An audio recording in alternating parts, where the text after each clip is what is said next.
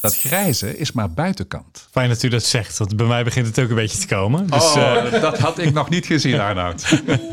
Je luistert naar de podcast De Kansen voor de Kerk, waarin ik, Arnoud Drop, directeur van Alphen Nederland, op zoek ga naar de kansen voor de kerk in deze tijd. Evangelisatie daarvoor was voor mij. Je hebt een gesprek met iemand. Je wacht net zo lang tot hij in de hoek zit. Dan heb je gewonnen. Dan valt hij vanzelf in de armen van Jezus. Dat gebeurde nooit. Zo iemand wilde nooit met je praten. Elke aflevering spreek ik één of meerdere deskundigen over dat ene bijzondere, waar ik gepassioneerd over ben, hoopvol over ben, maar waar ik door diezelfde passie soms ook zo mee worstel.